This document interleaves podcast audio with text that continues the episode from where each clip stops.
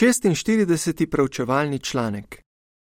Ta članek se bo preučeval v tednu od 9. do 15. januarja.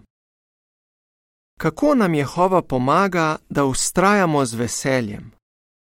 Tematski stavek: Jehova bo potrpežljivo čakal, da bi se vas usmilil, ukrepal bo in vam izkazal usmiljenje. Izaija 30:18 Pesem 3 Naša moč si, naš up ti zaupamo. Povzetek. V tem članku so opisani trije načini, kako Jehova pomaga svojim častilcem, da z veseljem ustrajajo kljub težavam. Pri tem nam bo pomagalo 30. poglavje Izaija. Med pregledovanjem tega poglavja bomo videli, kako pomembno je, da molimo k Jehovu, preučujemo njegovo besedo ter premišljujemo o sedanjih in prihodnjih blagoslovih. Odstavka 1 in 2, vprašanje A. Na katera vprašanja bomo odgovorili? Vprašanje B. Iz česa se vidi, da nam Jehova zelo želi pomagati? Jehova nam lahko pomaga, da se spoprijemamo s težavami v življenju in da najdemo veselje, ko mu služimo kako to dela in kako nam lahko njegova pomoč kar najbolj koristi? V tem članku bomo dobili odgovor na ti vprašanji. Še prej pa poglejmo odgovor na vprašanje, ki je s tem povezano: ali nam Jehova res želi pomagati? Apostol Pavel je v svojem pismu Hebrejcem uporabil besedo, ki nam pomaga najti odgovor. Napisal je: Jehova mi pomaga, ne bom se bal kaj mi lahko naredi človek? Hebrejcem 13:6 Iz biblijskih priročnikov izvemo, da se beseda pomagati, ki je uporabljena v tej vrstici, nanaša na posameznika, ki takoj steče k nekomu, ki kliče na pomoč. Predstavljaj si Jehova, kako hiti, da bi rešil nekoga, ki je v stiski. Ta opis lepo poudari, da si Jehova močno želi, da bi nam pomagal.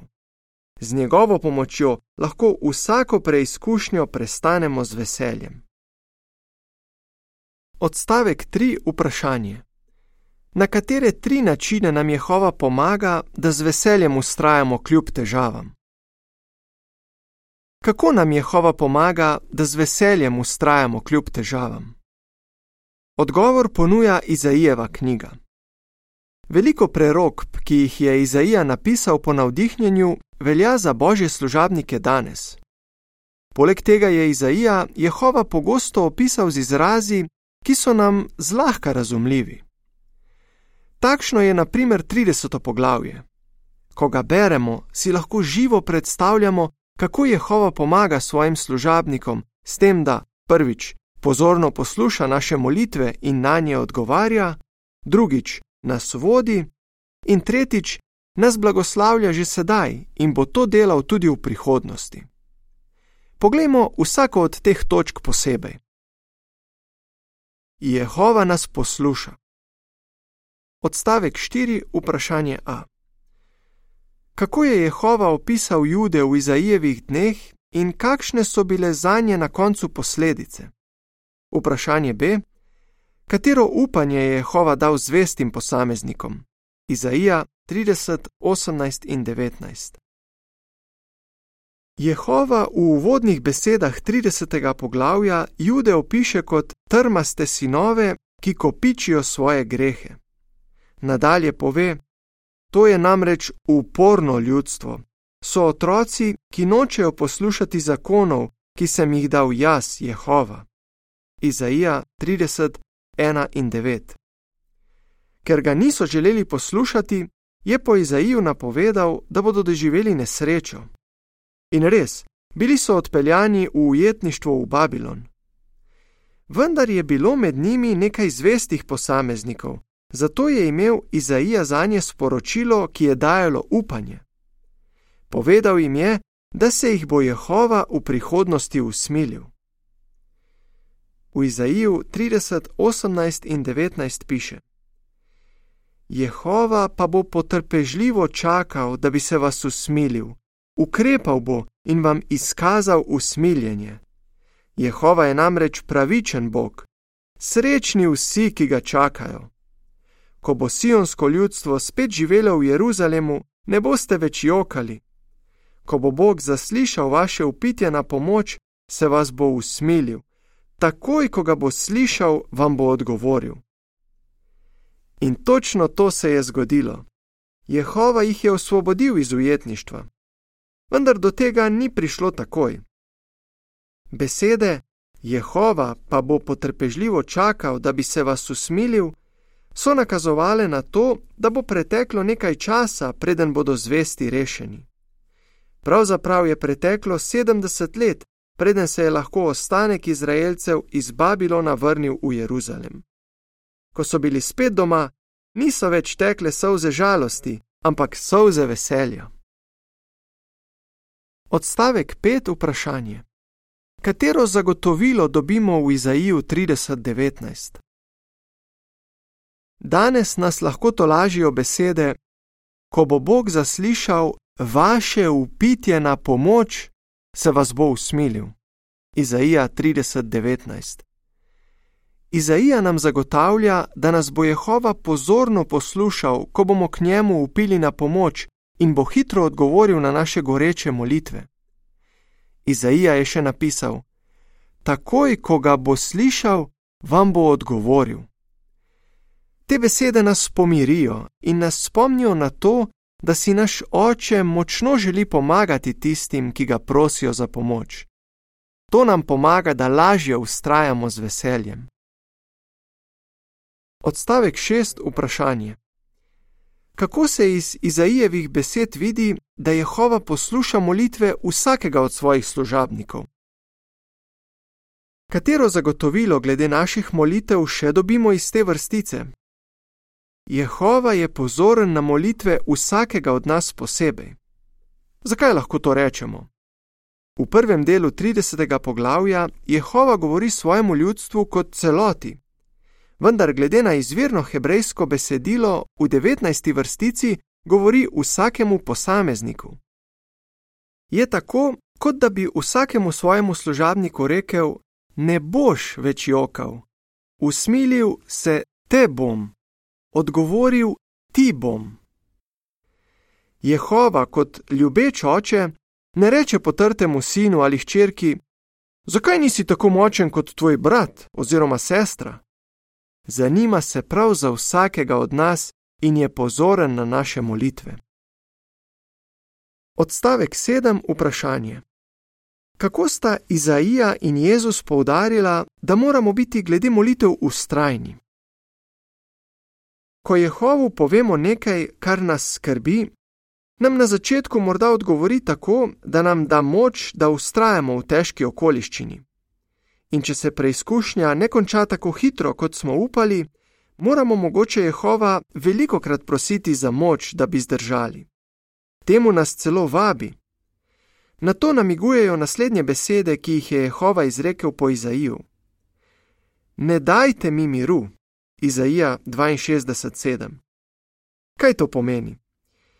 V svojih molitvah k Jehovu bi morali biti tako ustrajni, da mu tako rekoč ne bi dali miru. Izaijeve besede nas spomnijo na Jezusovo ponazoritev glede molitve, ki jo najdemo v Luku 11, 8 do 10 in 13. Tu nas Jezus spodbuja, naj bomo ustrajni, ko molimo in prosimo za svetega duha. Jehova lahko tudi prosimo, naj nas vodi, da bi sprejemali dobre odločitve. V pripisu k slikam piše: Kaj je Jehova mislil, ko je po Izaiju rekel: Ne dajte mi miru? Jehova nas vodi. Odstavek 8. Vprašanje. Kako so se v preteklosti izpolnile besede iz Izaija 30, 20 in 21? V Izaiju 30, 20 in 21 piše: Čeprav vam bo Jehova dajal jesti stisko, kakor kruh, in piti zatiranje, kakor vodo, se vaš veliki poučevalec ne bo več skrival. Svojega velikega poučevalca boste videli na lastne oči. In če bi se zgodilo, da bi skrenili na desno ali na levo, boste za seboj zaslišali glas: to je prava pot, hodite po njej. Ko je babilonska vojska leto in pol oblegala Jeruzalem, je stiska ljudem v tem mestu postala nekaj tako običajnega kot kruh in voda. Toda v 20. in 21. vrstici je Jehova Judom obljubil, da jih bo rešil, če se bodo pokesali in spremenili svoje vedenje. Izaija je zanj rekel, da je veliki poučevalec, ki bo svoje ljudstvo poučil, kako ga lahko časti na njemu sprejemljiv način. Te besede so se izpolnile, ko so bili ljudje izpuščeni iz ujetništva. Jehova je dokazal, da je veliki poučevalec in pod njegovim vodstvom so uspešno obnovili čisto čaščenje. Zelo smo veseli, da je Jehova tudi naš veliki poučevalec. Odstavek 9. Vprašanje. Opiši prvi način, kako nas Jehova danes vodi. V nadaljevanju nas Izaija slikovito opiše kot učence, ki jih Jehova uči na dva načina. Glede prvega načina Izaija pove: Svojega velikega poučevalca boste videli na lastne oči. V tej ponazoritvi poučevalec stoji pred učenci. Veliko časti imamo, da nas Jehova poučuje tudi danes. Kako to dela? Po svoji organizaciji. In za to jasno vodstvo smo zelo hvaležni. Pouk, ki ga dobimo na občinskih shodih, zborovanjih, po publikacijah, mesečnih oddajah in drugih sredstvih, nam pomaga, da v težkih časih ustrajamo z veseljem. Odstavek 10. Vprašanje: Kako za seboj slišimo Božji glas? Izaija opiše še drugi način, kako nas Jehova poučuje. Za seboj boste zaslišali glas. Prerok tu opiše Jehova kot pozornega učitelja, ki hodi za učenci in jim pove, v katero smer naj grejo. Kako danes slišimo Božji glas za seboj? Božje navdihnjene besede so bile zapisane v sveto pismo že dolgo nazaj. Ko torej beremo to knjigo, je tako, kot bi slišali Božji glas za seboj. Odstavek 11. Vprašanje. Kaj moramo delati, da bi lahko ustrajali z veseljem in zakaj? Kako nam lahko kar najbolj koristi vodstvo, ki nam ga Jehova daje po svoji organizaciji in besedi? Izaija je omenil dvoje.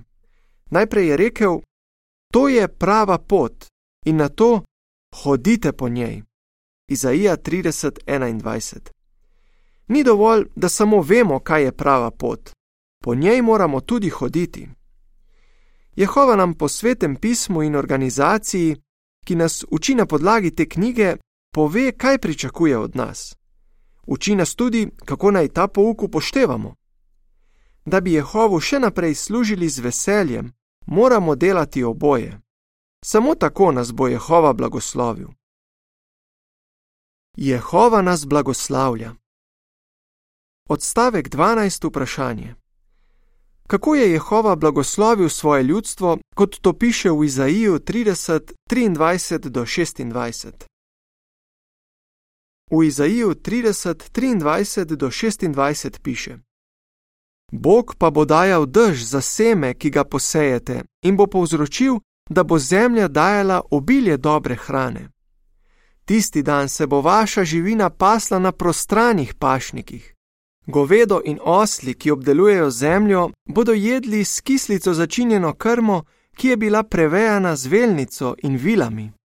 Ob dnevu velikega pomora, ko bodo padali stolpi, bodo na vsaki visoki gori in na vsakem visokem hribu potoki in vodne struge. Ob dnevu, ko bo Jehova obvezal zlom svojega ljudstva in ozdravil hudo rano od udarca, ki mu ga je zadal, bo svetloba polne lune, kakor svetloba sonca. Svetloba sonca pa bo sedemkrat močnejša, bo kakor svetloba sedmih dni, ki sveti v enem dnevu. Kako se je ta prerogba izpolnila na ljudih, ki so se iz babilonskega ujetništva vrnili v Izrael? Prejeli so številne blagoslove, tako fizične kot duhovne. Jehova jih je blagoslovil z obilico dobesedne hrane. In kar je še pomembnejše, ko se je čisto čaščenje postopoma obnavljalo, so imeli tudi veliko duhovne hrane. Duhovni blagoslovi, ki so jih takrat uživali, so bili večji kot kdajkoli prej. Kot pokaže 26. vrstica, je Jehova poskrbel, da je duhovna luč zasvetila še močneje. Njegovi blagoslovi so njegovim služabnikom pomagali, da so mu še naprej služili in imeli notranjo moč zaradi veselega srca. Izaija 65:14 Odstavek 13. vprašanje: Kako se danes izpolnjuje prerogba o obnovi? Ali se prerogba o obnovi čistega čaščenja izpolnjuje tudi danes? Absolutno. Kako pa? Od leta 1919 se je na milijone ljudi osvobodilo iz ujetništva Babilona Velikega, svetovnega imperija krive religije. Popeljani so bili na veliko boljši kraj od obljubljene dežele v času Izraelcev. Prišli so v duhovni raj. Kaj je ta duhovni raj? Odstavek 14. vprašanje: Kaj je duhovni raj in kdo živi v njem? Od leta 1919 maziljeni kristijani živijo v duhovnem raju. V počrtni opombi piše: Pojasnilo izraza: Duhovni raj se nanaša na varno okolje, v katerem enotno častimo Jehova. V tem okolju imamo obilje duhovne hrane, v kateri ni verskih laži. Imamo tudi veliko zadovoljujočega dela, ki je povezano z oznanjevanjem dobre novice o Božjem kraljestvu. Uživamo tesno prijateljstvo z Jehovom in smo v miru z ljubečimi brati in sestrami, ki nam pomagajo, da smo veseli kljub težavam v življenju. V ta duhovni raj vstopimo, ko začnemo pravilno častiti Jehova in ga po svojih najboljših močeh posnemamo. Konec počrtne opombe. S časoma so se maziljencem v tej duhovni deželi pridružili tudi tisti z zemeljskim upanjem, druge ovce, in Jehova obilno blagoslavlja tudi njih. Janez 10:16 Odstavek 15. vprašanje: Kje se duhovni raj nahaja? Kje se duhovni raj nahaja? Jehovovi častilci živijo povsod po zemlji, zato tudi duhovni raj obstaja po vsem svetu. Torej smo lahko v duhovnem raju, ne glede na to, kje živimo, vse dokler aktivno podpiramo pravo čaščenje. Odstavek 16. Vprašanje: Kaj nam lahko pomaga videti lepoto duhovnega raja? Da bi ostali v duhovnem raju, moramo med drugim zelo ceniti našo svetovno krščansko občino. Kaj nam lahko pri tem pomaga? To, da se osredotočamo na lepe lastnosti naših bratov in sester, ne pa na njihovo nepopolnost. Zakaj je to tako pomembno? Razmislimo o naslednji primerjavi. V lepem parku pričakujemo, da bomo videli različna drevesa. Podobno duhovni raj, ki obstaja v naših občinah, krasijo različni posamezniki, ki so primerjani z drevesi. Paziti moramo, da se osredotočamo na lepoto gozda, ne pa na napake posameznih dreves, ki so nam najbližje. Ne dovolimo, da zaradi lastne nepopolnosti ali nepopolnosti drugih v občini ne bi videli lepote svetovne krščanske občine, v kateri vlada enotnost. Odstavek 17. vprašanje. Kaj lahko vsak od nas naredi, da bi prispeval k enotnosti občine? Kaj lahko vsak od nas naredi za enotnost občine? Delajmo za mir. Vsakič, ko prevzamemo pobudo, da smo v miru z drugimi v občini, prispevamo k lepoti duhovnega raja. Ne pozabimo, da je Jehova tisti, ki je vsakega posameznika povabil k čistemu čaščenju v duhovnem raju. Samo predstavljaj si, kako vesel mora biti, ko vidi, da si močno prizadevamo za mir in enotnost med tistimi, ki so mu dragoceni, njegovimi služabniki. V pripisu k sliki piše: Kako lahko vsak od nas prispeva k lepoti duhovnega raja? Odstavek 18. Vprašanje: o čem naj bi pogosto razmišljali in zakaj. Kako nam lahko kar najbolj koristijo blagoslovi, ki jih imamo kot božji služabniki? Poglobljeno premišljujmo o tem, kar preberemo v božji besedi in naših publikacijah. Takšno preučevanje nam pomaga, da razvijamo krščanske lastnosti, ki jih potrebujemo, da bi imeli radi drug drugega in si bili naklonjeni iz vsega srca. Rimljanom 12:10 Če razmišljamo o trenutnih blagoslovih, se še bolj zbližamo z Jehovom. In če razmišljamo o blagoslovih, ki jih ima Jehova za nas pripravljene v prihodnosti, bo naše upanje, da mu bomo večno služili, zelo živo. Vse to nam že sedaj daje veliko veselja pri služenju Jehovu. Odločeni, da ustrajamo. Odstavek 19. vprašanje A. O čem smo lahko prepričani glede na Izaija 30:18? Vprašanje B. Kaj nam bo pomagalo, da bomo ustrajali z veseljem? Jehova bo ukrepal v naše dobro, ko bo uničil ta pokvarjeni svet. Ker je pravičen Bog, smo prepričani, da ne bo dovolil, da bi Satanov svet obstajal niti en dan dlje, kot zahteva pravica. Tako kot Jehova, potrpežljivo čakajmo na dan rešitve. Do takrat pa bodimo odločeni, da bomo cenili molitev, preučevali Božjo besedo in upoštevali naučeno ter premišljali o svojih blagoslovih.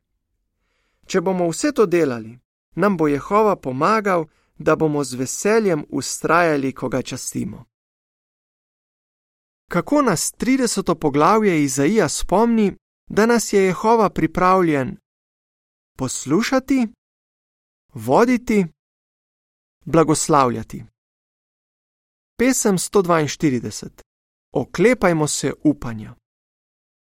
Konec članka.